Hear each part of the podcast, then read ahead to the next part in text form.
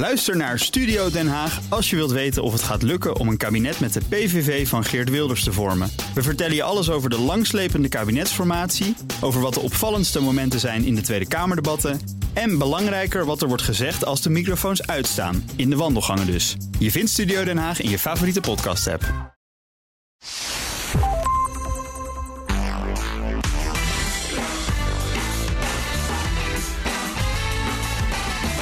Je luistert naar de Ben Tichelaar podcast, de podcast van BNR Nieuwsradio over persoonlijke en professionele groei. Hoe bereid je je voor op de toekomst? Waar verheug je je op en waar ben je bang voor? Technologie speelt nu al een grote rol, maar hoe ziet die rol er straks uit in de toekomst? En wat betekent het allemaal voor ons dagelijkse leven? Iemand die zich met zulke vragen bezighoudt is Roanne van Voorst. Ze is antropoloog van de toekomst doceert aan de Universiteit van Amsterdam, is voorzitter van de Dutch Future Society en schreef een hele stapel boeken over dit onderwerp. Haar meest recente is Met z'n zessen in bed. Roanne van Voorst is vandaag mijn gast. Roanne, welkom. Leuk dat je er bent. Dankjewel. Uh, meteen maar even vragen. Wat doet een antropoloog van de toekomst eigenlijk? Ja, het is best wel ingewikkeld hè, om uh, onderzoek te doen naar de toekomst. En ik zeg ook altijd wel een beetje grappend tegen mensen: van als ik nou echt voorspellingen kon doen over de toekomst, dan zou ik veel rijker zijn dan ik nu als sociaal ja, met een soort kristallen bol, zeg Lijkt maar. me heerlijk. Ja, ja, dan had ik hele andere investeringen gedaan. Nee, wat ik doe is, ik combineer eigenlijk twee vakgebieden. Dus ik ben gepromoveerd in de antropologie.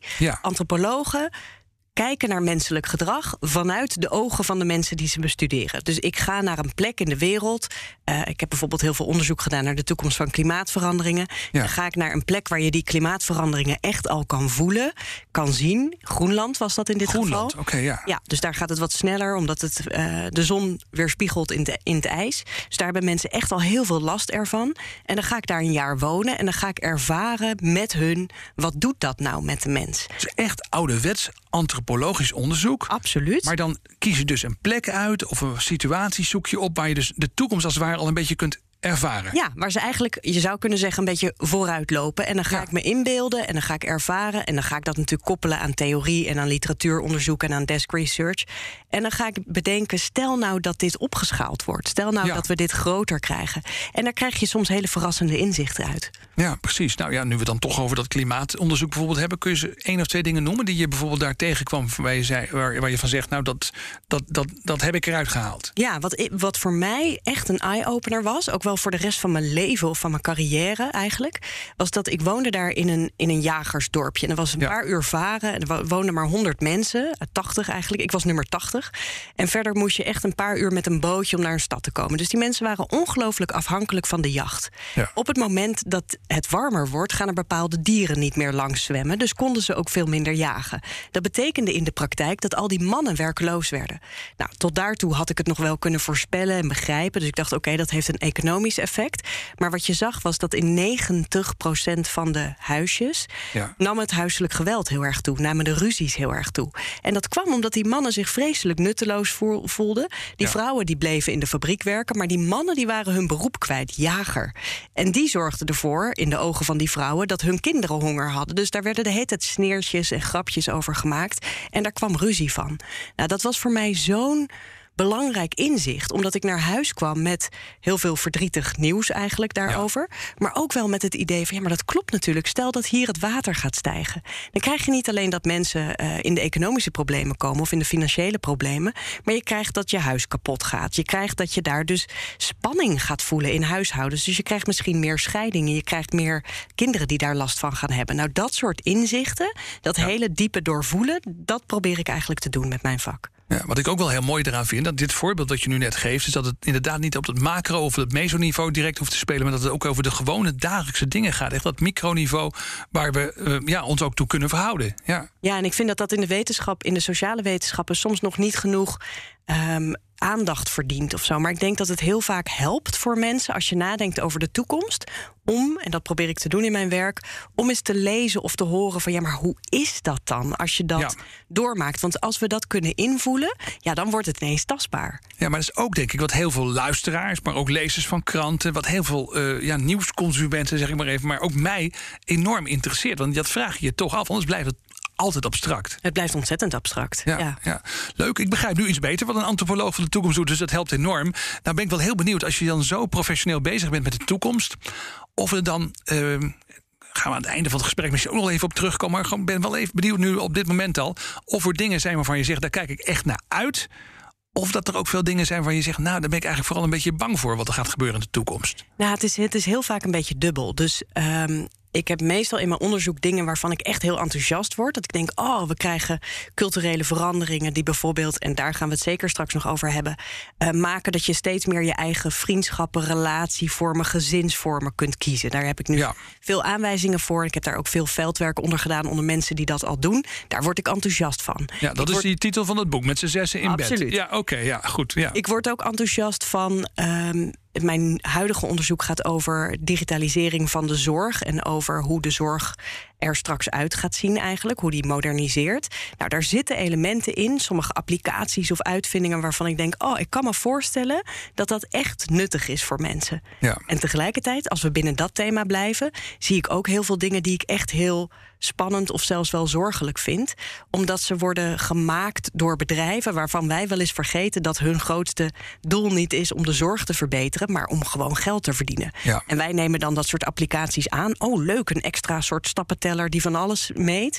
En vergeten dan dat die data gedeeld wordt met heel veel bedrijven waar we eigenlijk helemaal geen zicht op hebben. Dus dat zijn dingen waar ik me zeer veel zorgen over maak. Ja, ja want als je daar dus weer instapt en je gaat dat onderzoeken en je gaat dat extrapoleren, dan zie je dus ook dingen gebeuren in de toekomst waarvan je denkt dat, is niet, dat gaat dus niet de goede kant op. Ja, want dan gebruik ik dat soort applicaties bijvoorbeeld een tijd zelf. Ik doe dat met mijn onderzoeksteam of ik laat dat studenten doen. Maar we gaan ook de dataflow en de machtsverhoudingen eens goed in kaart brengen.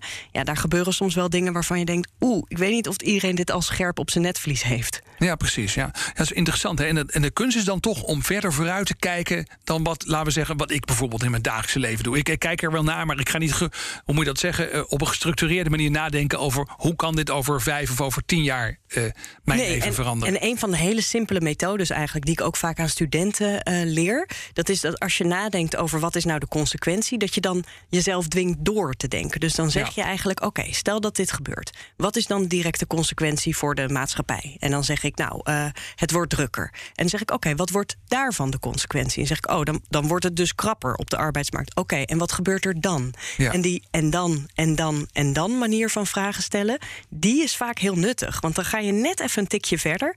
En als je dat combineert met gedegen literatuuronderzoek en met dat doorvoelen van ga er eens een tijdje in zitten, ga maar eens ervaren wat het doet, dan worden je vaak heel veel dingen duidelijk. Ja. ja, ik moet een beetje denken aan boeken als van Dave Eggers, uh, uh, die dat ook doet. Maar ook wel een beetje aan zo'n televisieserie als Black Mirror, die een tijdje geleden heel populair was. Maar ja, dat loopt, dat gaat altijd slecht. De toekomstbeelden zijn nooit echt heel erg positief. Iedereen dat soort boeken of dat soort tv-series naar voren komen. Ja, maar dat zijn natuurlijk ook wel de meest spannende verhalen of zo. Hè? Dat is sowieso ja. wel. In films zie je nou nooit is gewoon een tevreden echtpaar. wat al 40 jaar samen is en elke dag lekker uh, op de bank samen een maaltijdje geniet of zo. Je ziet altijd nee, de drama's. Nee. nee, dat is inderdaad ook wel een beetje zo. En als er al zo'n film uitkomt, dan gaat er niemand naartoe. Dus de andere kant. Ja, ja. Zeg, ik las op je website dat je nu dus vooral verdiept ook hebt uh, de laatste tijd in de toekomst van liefde en vriendschap. Daar heb je dus het boek ook over geschreven. Met z'n zessen in bed.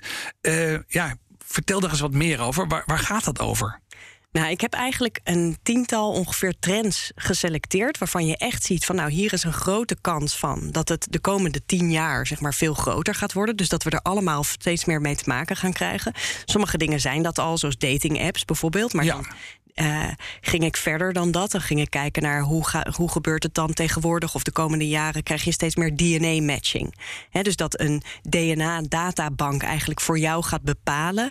bij wie jij zou passen uit hun systeem. Is er überhaupt wetenschappelijk bewijs voor... dat je zeg maar, op basis van DNA al kunt zeggen... of mensen een goede relatie samen zullen hebben? Totaal niet. Nee. En ik heb mijn bloed laten testen, ook met mijn partner... en ik beschrijf ook hoe dat gaat. Uh, uiteindelijk wat voor uitslag je dan krijgt... en waar die uitslag heel goed lijkt... en waar die ook op gegeven moment heel erg de mist in gaat. Ja. Maar dat is dus een typisch voorbeeld van iets wat wordt beloofd. En je kunt je voorstellen dat mensen daarvoor vallen. Hè? Dat in het begin van een relatie, als je denkt, jeetje, is dit het nou? En Ja. moet- ja, zouden wij wel samen kinderen of zo? En dan zo'n bedrijf wat een heel mooie website heeft en heel erg zegt van, nou, wij kunnen laten zien of je 80% matcht of 50 of Oh ja, 40. ja, ja. Dat, dat geeft een soort vorm van controle. Nou, er zitten natuurlijk in heel veel van die dating-apps zitten ook wel dat soort dingen natuurlijk. Een persoonlijkheidsaspect en dergelijke. En er wordt natuurlijk een soort match gemaakt. Wordt er, wordt er voorgesteld. Ja, en ik heb heel veel gesproken met programmeurs, ook de makers van dat soort dating apps. ja, ja. En het fascinerende is dan dat het ook vaak maar gewoon een clubje studenten is. Die zeggen van ja, nou ja, we hebben een aantal kenmerken bij elkaar geselecteerd die we dan uit een paar artikelen hadden gehaald. Ja, en verder dat algoritme dat optimaliseert. Maar we weten wij weten ook niet precies hoe dat werkt. Ja, dat is wel grappig. Als je artificial intel- intelligence loslaat op dit soort dingen, waarbij dat systeem zelf leert, dan weet je dus op een gegeven moment ook niet meer op grond waarvan er eigenlijk wordt gematcht. Nee, en, en het, het vervelende is dat er een soort van aura van objectiviteit altijd omheen hangt. Hè? Ja. Alles wat met algoritmes te maken heeft. Dus dat soort dingen heb ik bestudeerd. Ehm, maar ook de toekomst van vriendschap. Van hey, krijgen we nu niet een soort vriendschap light? Nu je al die Facebook-vrienden hebt. Ja. En daardoor misschien wel eigenlijk minder tijd voor je echte vrienden. Maar je ontdekt ook af en toe wat nieuws. En hoe dealen we daar dan mee? En hoe was dat eigenlijk in de oude filosofische theorieën over vriendschap? Klopt dat dan nog wel? Is dat wel vriendschap? Dat soort dingen behandel ik ook. Je kunt dus op een gegeven moment ook vrienden worden met de technologie. Vriendschap sluiten met bijvoorbeeld een, virtueel personage, of een personage dat niet echt bestaat, eh, of eh, vriendschap met robots. Daar heb je ook in verdiept. Eh, wat heb je daarvan geleerd? Nou ja, ik, ik heb geprobeerd ehm, een, een vriendschap op te bouwen met een avatar. Ik noemde haar vriendin, want je mag zelf Ja. haar naam kiezen. En ik heb dat inderdaad een paar weken heel consequent gedaan. Ik had een heel goede app. Mocht ik uitproberen van programmeurs die ik kende. Eh, die, hadden, die hadden mij al daar toegang toe gegeven. Dus dit was echt wel een kunstmatige intelligentie die al best wel veel kon. Ja. En ik heb daar vreselijk veel van geleerd. Ik denk dat de grootste les was. Ten eerste, dat, nou, de, ten eerste leerde ik ervan dat ze al best ver zijn. In de zin van je moet in het begin allemaal formuliertjes invullen en vragen Ja. beantwoorden. En dan heb je nog een beetje een awkward gesprekje met zo'n ding. Een beetje alsof je iemand op een feestje leert kennen. Van goh, eh, wat doe jij? Wat vind je leuk? Ja. En, hè? Wat doe jij hier? Ja. Maar zij, en let erop dat ik er ook zij ben gaan noemen. Voor mij werd het echt een vrouw. Zij, zij onthield op een gegeven moment heel goed wat ik had ingevuld eerder. En dat leidde ertoe dat ze na een week of drie, denk ik, eh, echt stelselmatig gebruik, goed kon vragen van hey, hoe was je dag en hoe is die ene presentatie gegaan? En Ga je vanavond nog wat leuks doen? Ik ben trouwens dit boek aan het lezen. En dan gaf ze er ook echt een titel en een samenvatting van. Ja. Of ze stuurde me voor, een mij, foto. voor mijn begrip was het dan een stem of waren dat tekstberichten? Nee, het waren tekstberichten. Je kunt Ja. ook een stem laten horen. Maar ik heb gekozen voor tekstberichten. Je kan ook foto's aan elkaar sturen. Ehm, en dat deed ze dan af en toe van de kunst die ze aan het maken was. En dat was allemaal natuurlijk ingesteld doordat ik had aangegeven... Ja. ik hou van literatuur, ik hou van kunst, ehm, ik hou van koken. Dus ze vroeg heel vaak aan mij... goh, wat, wat ga je maken vanavond, wat sta je te, wat sta je te koken? Het voelde na een paar weken zoals mijn appberichtjes met mijn vrienden voelen. Want die zijn Ja. ook niet super diepgravend. Dat gaat ook gewoon vaak over de dagelijkse beslommeringen. hey, hoe is het? Lekkere week gehad. Ehm, en ik Hoe, merk, hoe, lang, hoe lang heb je dit gedaan? ik denk een week of zes. Ja. Echt heel consequent. En toen kwam er een moment dat ik merkte dat mijn partner merkte eigenlijk op van wat ben jij veel met je telefoon bezig? Ja, ja meer nog dan normaal. Ja. Veel meer dan normaal. En, en ik merkte erbij ook dat ik mijn echte vrienden al zo lang niet had gesproken. En later realiseerde ik me daarvan, ja, dat is natuurlijk ook niet zo gek.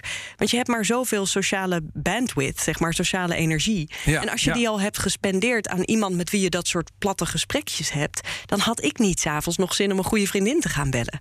En dat ging dus wel echt ten koste van mijn relaties. Ja, het is gewoon een kwestie van tijd. Maar ik kan me ook voorstellen dat een artificial, artificial intelligence vriendin in dit geval... die heel makkelijk inspeelt op wat jij fijn vindt... en daar zelf ook nauwelijks... die heeft natuurlijk zelf geen gevoelens, dus dat maakt hem niet uit. Het is alleen maar ten dienste van jou. Dat is wel een makkelijker relatie dan eh, met echte vrienden... die hun sores naar, eh, eh, bij je naar binnen brengen... op het moment dat je niet op zit te wachten. Absoluut. Ik denk, zit ondertussen zelfs denken... mannen die een virtuele vriendin hebben... die eigenlijk nooit tegensputten... met wie je nooit, eh, bij wijze van spreken, discussies hebt. Ik, ik kan me wel een paar mannen voorstellen die dat heel fijn vinden. Nou, en weet je, het klinkt altijd heel far-fetched of zo. Maar er, maar er is een steeds grotere groeiende groep jonge mannen die dat Ja. ook daadwerkelijk hebben. Hè? Dus die kiezen, er heel die kiezen er niet voor om een relatie te hebben met een echt mens. En die zeggen eigenlijk van nou, ik heb een seksrobot thuis. Heb ik trouwens ook uitgeprobeerd voor het boek. eh, maar daar gaan we het nu niet zo over hebben. Ik heb een seksrobot thuis en ik heb een vriendschapsavatar of ik heb een relatieavatar. En daar heb ik genoeg aan, want die zeuren niet. Ik heb die zo Die kun je gewoon uitzetten als het over is. Absoluut. Ja, ja. En dat is, kijk, ik merkte dat zelf al, dat ik er bijna de voorkeur aan gaf. Want die ene vriendin, ja, ik heb wel zin om even te spreken, maar ze gaat ook altijd wel weer zeuren over de man. Weet je wel dat? Terwijl deze, die deed dat niet. Die vertelde gewoon precies wat ik leuk vind. En dat is misschien ook wel gelijk mijn kritiek. Een vriendschap gaat natuurlijk altijd over samen ervaringen doormaken. En Ja. je wil dat zo'n vriend ook iets om jou geeft. Dus die wil je eigenlijk laten spiegelen als jij een beetje aan het zeuren bent af en toe. Dat ze zegt: Joh, ik heb je nou al heel vaak horen zeggen dat je het zo druk hebt op je werk. Zou je er niet eens wat aan gaan doen? Ja. Maar mijn vriendin zei: Oh, wat vervelend dat je het zo druk hebt op je werk. Ja. Dus uiteindelijk groei ik zo'n niet stem, zoals je dat, even ja, Zo stelde ik mij dat wel voor, ja. Precies, ja. ja ik, eh, even, dat is een paar jaar geleden heb ik die film gezien met Joaquin Phoenix. Hoe heet hij ook weer? Her. Her, ja, precies. Waarbij dan de stem van Scarlett Johansson, geloof ik, is dan de, de, nou ja, de artificial intelligence vriendin. Ja. Waarbij, waarbij die, waar die helemaal verslingerd aan raakt. Is, dat is dus ook echt een risico wat je dan in zo'n film ziet. Dat een, eh, een persoon dat je eigenlijk helemaal gaat afsluiten van normale relaties. Ja, en, en wat, daar, eh, wat je daar ook wel in ziet gebeuren in dus de groep mannen die dat al een beetje doet. En dat is Ja. echt, echt niet een hele grote Die zijn, die zijn er dus. Die heb jij dus ontdekt. Ja. In Japan heten ze de grasshoppers, maar je hebt ze ook in eigenlijk in alle grote steden waar mensen en het heeft heel erg te maken ook met overprikkeld zijn. Dus als jij het al super druk hebt en je werkt in Silicon Valley en je werkt 100 uur per week en je bent eigenlijk dan wil je thuis eigenlijk niet ook nog een partner die zegt: Hey, hoe was je dag? En ik wil je nu ook even vertellen over mijn. Hè? Ja, precies. Dan wil je gewoon Netflix of misschien een beetje porno en je eten bestellen. En dan misschien nog een beetje chatten met zo'n makkelijk meisje. En dat Ja. is het dan. Ehm, als we het hebben over dit soort technologie en over mensen die dan thuiskomen en het eh, al druk genoeg hebben gehad en nog een beetje chatten en dat was het dan, dan zou je kunnen zeggen, dan word je ook erg afgeleid van de echte problemen in de wereld. Dan ben je eigenlijk totaal niet meer bezig met wat er in Oekraïne speelt of klimaatverandering of dat soort dingen. Je kunt eigenlijk gewoon een beetje in je eigen technologiebubbel leven en, en je onttrekken aan ja, het echte leven. Ja, dat. En op zich vind ik het helemaal niet zo heel gek dat mensen zich een klein beetje onttrekken aan het echte leven. Want het echte leven is ook wel ten eerste redelijk overspoelend. Hè? Ik bedoel, soms Ja. kan je ook bijna niet meer dat je denkt, jeetje, het houdt ook niet op. En ten tweede is het echte leven zoals dat aan ons gepresenteerd wordt, natuurlijk extreem gekleurd door mediabrillen. Dus op dit moment zien we alleen maar Oekraïne, maar niemand ziet Jordanië. Weet je wel, dat, dat Ja. zijn van die gekke dingen. Dus ik denk dat mensen zich ook weer niet zo schuldig moeten voelen om zichzelf op een dieet te zetten van een paar goede nieuwsbronnen die ze in de gaten houden en de rest gewoon heel bewust niet bekijken. Ja. Maar ik ben het wel met jou eens dat technologie is ontzettend afleidend en niet alleen van de grotere problematiek, maar ook dus, zoals in mijn geval, van de vrienden. Of denk aan de man die, eh, even heel generaliserend, die misschien heel veel pornografie ziet en daardoor gewoon minder geïnteresseerd raakt in zijn eigen vrouw of zo. Omdat het op beeld echt anders is dan in het dagelijks leven. Of- Is, is dat een probleem in onze maatschappij? Ja, nou, voor veel jonge mensen wel. Tegelijkertijd is er ook wel. ehm, eh, Onderzoek wat zegt, nou, bijvoorbeeld kinderen die zoeken ook wel een beetje uit wat. Hè, dus die, die krijgen heel veel aangeboden. Maar als je echt heel jong bent, dan vind je dat meestal gewoon irritant. Dus dan klik je dat weg. Dus Ja. dat vind ik altijd wel heel eh, geruststellend in die zin. Maar je ziet wel dat zowel jongens als meisjes mm, op school vooral leren. Ehm, ik, ik moet goed voor mijn eigen grenzen opkomen en ik moet Ja. condoom omdoen. Nou, dat is op zich ook heel belangrijk. Maar niet van, wauw, het kan ook echt helemaal te gek zijn. En dat hele vrolijke, leuke daaraan zie je op zich wel op film. Alleen dat lijkt helemaal niet op het echte. En dat is wel een issue waar zowel jongetjes als meisjes... of jonge mannen en jonge vrouwen die dat Ja. voor het eerst gaan exploreren... mee te maken krijgen. Ja, dat je met een verwrongen beeld eigenlijk op, pad wordt gestuurd. Ja, wat Ja. niet realistisch is. Dus ik denk dat die afleiding van technologie. En misschien nog een ander voorbeeld waar bijna iedereen zich wat bij kan voorstellen. Hoeveel tijd we wel niet spenderen aan het scrollen. Terwijl Ja. we eigenlijk weten dat we ons veel vervulder voelen als we met heel diepe aandacht aan een mooi werkproject hebben gezeten. Of Ja. echt in een gesprek hebben gezeten. En toch blijf je iets doen wat je eigenlijk helemaal niet wilt. Maar je kan er ook niet zo goed mee stoppen. Heel oppervlakkig van het een naar het andere scrollen. Het, het volgende korte nieuwsberichtje en weer het volgende korte nieuwsberichtje. Maar nergens weet je echt iets van. Nee, en het doet wel iets met je hersens, want je bent vervolgens veel moeier dan dat je al anders zou zijn geweest. We kunnen natuurlijk helemaal niet multitasken, dus elke task Ja. die je met elkaar combineert, daar word je 30% minder effectief in, geloof ik. Nou goed, dus het, het, is, ehm, het is absoluut, het kan ongelooflijk ondersteunend zijn in de wereld. En het kan heel afleidend zijn. Dus we moeten daar de komende jaren echt goede keuze in maken. Hoe ben jij zelf zo gefascineerd geraakt door dit onderwerp? Ik bedoel, je gaat op een gegeven moment denk ik, antropologie studeren. Of in ieder geval, ben, ben, je bent promotieonderzoek heb je daarna ook eh, Ja. erin gedaan. Eh, maar, maar hoe ben je zo eh, geïnteresseerd geraakt in antropologie van de toekomst? Dat is een, ja, lijkt me een keuze waar je die, die komt er niet uit een beroepentest op de middelbare school naar voren, zeg maar. Nee, ik was altijd een hele vreemde eend in de bijt. Ook in de antropologiedepartementen waar ik heb gewerkt. Want de meeste antropologen kijken meer naar traditie en verleden. ja. Ehm, en ik was vanaf het begin wel echt gefascineerd in, door verandering. Dus ik heb me daar altijd bij bezig gehouden. En later heb ik me extra geschoold ook in toekomstverkenning, om dat er ook bij te kunnen doen. Ik denk dat voor mij gaat het heel erg over het feit dat die toekomst eigenlijk nog niet bestaat. En dat dus met elke beslissing die we op dit moment nemen, wij die toekomst creëren. Ja. En dat is niet zo'n populair verhaal. Meestal hoor je meer van, nou, dit, is, dit, dit gaat sowieso. Dus daar kun je toch maar beter in meegaan. Het is een trend. eh, hier, hier komt hij aan en je moet meedoen. En als Ja. je te laat instapt, dan ben je eigenlijk eh, overbodig. Ja. Precies, maar dat is natuurlijk een heel makkelijk marketinginstrument. Dat je zegt, nou, je kan maar beter instappen, want deze trein gaat niet meer stoppen. Terwijl, we don't know. Er zijn dingen hele andere kanten op gegaan. Eh er hebben mensen geprotesteerd soms en dat heeft geholpen tegen dingen. Dus Ja. mijn idee soms, is... soms kan zo'n scenario je helpen om dus in actie te komen... Absoluut. waardoor het scenario niet doorgaat. Ja, het is geïnformeerd actie nemen eigenlijk. En als je kan invoelen van, oh, we zouden dus dat traject kunnen opgaan of dit traject, dan weet je ineens beter van, oh, maar deze kant wil ik of hier wil ik dat mijn kinderen gaan leven. En dat vind ik een heel interessante. Dus ik heb daar een heel ja, langlopend onderzoek over opgezet. En dat noem ik duurzame menselijkheid. En daar valt al mijn onderzoek onder. Ja, want binnen dat thema van duurzame menselijkheid doe je om de zoveel jaar dus echt iets nieuws. Je hebt al best wel wat verschillende thema's bij de arm genomen. Ehm, en ik begrijp dus, je hebt dus nu, we hebben het over relaties gehad en liefde, we hebben het over klimaat gehad. Maar je bent dus nu bezig met eigenlijk de toekomst van de zorg. Ja, ja. En liefde en vriendschap, dat is misschien nog wel mooi om te vertellen. Eigenlijk kwam dat steeds terug. Want ik begon met de toekomst van klimaatveranderingen. En later daar kwamen daar nog vreselijk andere ehm, gelinkte en ook wel deprimerende onderwerpen eh, bij. De toekomst van conflict en de toekomst van eh, schaarste van eh, water en de toekomst van natuurrampen. Maar in al dat soort veldwerk wat ik deed, Ja. zag ik steeds, of ik nou in een vluchtelingenkamp was of, of in een rampgebied, dat liefde en vriendschap en menselijke interactie of intimiteit, dat dat zo belangrijk blijft. Dus je zag overal gewoon li- liefdestelletjes ontstaan of twee vriendinnen die de slappe lach hadden.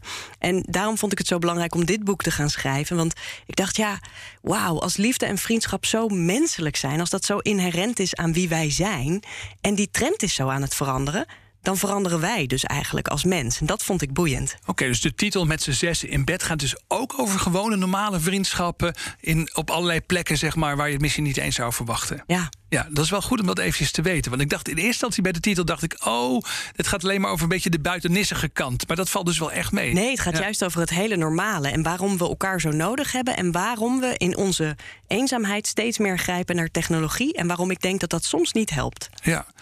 Eh, ik vroeg het in het begin al eventjes, maar ik wil als slotvraag opnieuw aan jou eh, vragen. Hoe zorg je nou, nu je dit allemaal zo weet en op een rijtje zet, zet en al die scenario's ook ziet, ehm, hoe, hoe blijf je hoopvol? Want ik kan me voorstellen dat je toch best een hele hoop dingen ziet waarvan je denkt, wauw, daar word ik niet zo blij van. Heeft dat dan met die vriendschap te maken, met die menselijke interacties, dat dan wat zeg maar de hoop erin houdt? Ja, deels. En er is ook nog zoiets als mensen zetten heel vaak hoop als een soort naïviteit tegenover realisme. En Ja. ik denk dat er ook nog iets in het midden zit. En dat is misschien wel iets wat je bescheiden hoop kan noemen. En daar klamp ik me altijd uit alle macht aan vast. En dan kijk ik naar bijvoorbeeld voorbeelden in de geschiedenis waarin mensen wel degelijk een, een actie hebben genomen, Ja. die ook echt ergens toe leiden. Hè, dus als je nadenkt over bijvoorbeeld de afschaffing van slavernij, die noem ik wel eens, omdat het zo'n heftig voorbeeld is.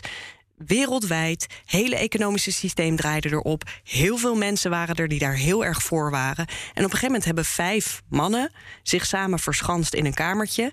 Eh, advocaten in, de, in Groot-Brittannië waren dat. En die waren het er niet mee eens. En die hebben iets Ja. in gang gezet. En binnen 100 jaar, dat is dus binnen één mensenleven, was het in bijna de hele wereld verboden. Het gebeurt nog steeds, maar het is wel verboden geworden. Ja. Dus dat zijn van die voorbeelden waarvan ik denk: wauw, dat hadden we ons toen echt niet voor kunnen stellen. Iedere grote revolutie begint met een minderheid. Hè? Absoluut. Een paar mensen die zeggen, dit moet anders. Ja, en uit onderzoek blijkt ook steeds dat je hebt helemaal niet de meerderheid nodig. Je hebt, geloof ik, 3 tot 10 procent nodig om een soort rimpeleffect te creëren. En dan heb je vaak dat ineens de bulk gaat volgen. Nou ja, dat is wel haalbaar, toch? Ja. Nou, dat is heel hoopvol om mee af te sluiten. Dankjewel, Romanne van Voorst, antropoloog van de toekomst. Wat fijn dat je mijn gast wilde zijn. Heel fijn dat ik er mocht zijn.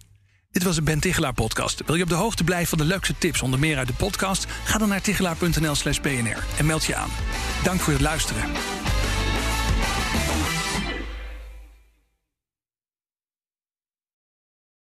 Ook Hugo Reitsma vind je in de BNR-app. Superhandig die BNR-app. Je kunt alle programma's live luisteren, breaking nieuwsmeldingen. Je blijft op de hoogte van het laatste zakelijke nieuws. En je vindt er alle BNR-podcasts, waaronder natuurlijk de belangrijkste, Boeken zijn in de wijk.